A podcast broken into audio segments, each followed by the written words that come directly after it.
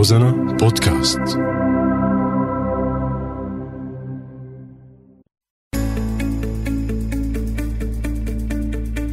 سوريات. كافحوا وبإصرار واجهوا حياتهم ومشاكلها.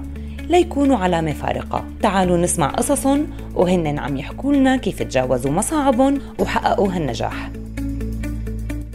أنا أمية نوفل من محافظة السويدة. هلق أنا خريجة معهد رياضي والرياضة هي شغفي بالحياة. طبعا أنا كوني من عائلة قروية وصعبة جدا العادات والتقاليد فيها والأب كان قاسي جدا يعني فأنا كان عندي يقين بالقرار اللي أنا بدي إياه إنه أنا أخرج عن هاي المنظومة التقليدية والقاسي والمتخلفة يعني. فلما أخذت شهادة البكالوريا أخذت قراري إني أنتقل على الشام. واجهت أهلي آه، حتى لو تعرضت للعنف والقسف من قبلهم. لكن كان عندي إيمان إنه أنا هذا الشيء اللي بدي إياه. أنا مع حرية المرأة وحرية مستقبلي ومصيري. وانتقلت على الشام ودرست وعشت حياتي كأمرأة مستقلة وقوية.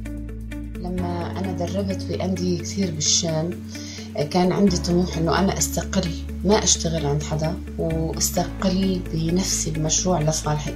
طبعا الأجور هون كثير متدنيه يعني فأنا اضطريت ضلني أشتغل لمدة 8 سنين متواصل الصبح بوظيفتي وبعد الظهر بالأندية الخاصة. لقدرت إني أجمع مبلغ أقدر أفتح فيه نادي خاص فيني. وفتحت الحمد لله هذا النادي وكان انطلاقة ممتازة كونه أنا صار عندي خبرة ممتازة بهذا المجال اللي هو الأيروبيك والفنون القتالية. ففتحت النادي بقوه بعام 2008 استمريت بالنادي لمدة ثلاث سنين. بعدين صارت الأحداث بالشام وللأسف الشديد النادي تضرر تبعي. فأنا قررت الانتقال على السويدة. ورجعت بلشت من نقطة الصفر.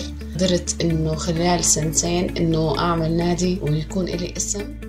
أنا هنا أختها لأمية أمية امرأة بنت نفسها بنفسها حاربت قاومت صبرت.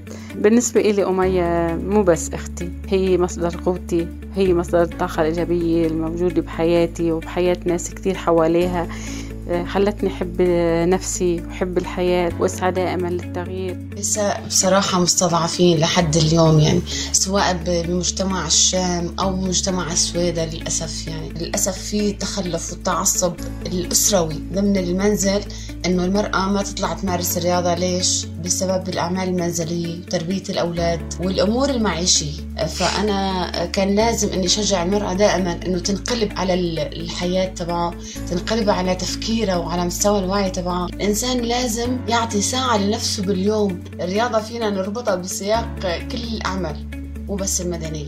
أنا غانية مزهر هلق. جيت سجلت عند السيدة أمية تقريبا من ثلاث سنوات فكنت متدربة عندها. بعد سنة على الضبط حست إنه أنا حبيت الرياضة فحبت إنها تعلمني مهنتها. تقريبا علمتني سنة عائدة وبعدين صرت أعطي. أنا كنت سيدة منزل بس إنه شغل البيت الأولاد أكثر من هيك لا. لق لما تغيرت حياتي ودربتني سيدة أمية وعلمتني صارت عندي تغيير جذري يعني مية بالمية بده كل تغيير لشخصيتي بشكل كامل. أنا لما فتحت النادي هون بالسويدة كان في حالات سرقة كثير كان في حالات اعتداء صار في فوضى كثير عارمة هون بالسويدة والنساء كانت خايفة جدا. فأنا دعيت فعلا لدورة دفاع عن النفس للنساء ولكل الأعمار. العمر 65 سنة تقدر المرأة أن تدافع عن نفسها بدون سلاح الثقة بالنفس.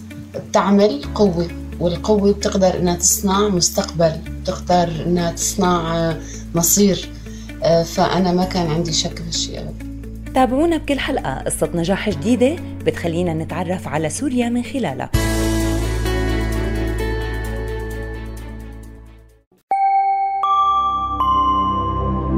روزانا بودكاست.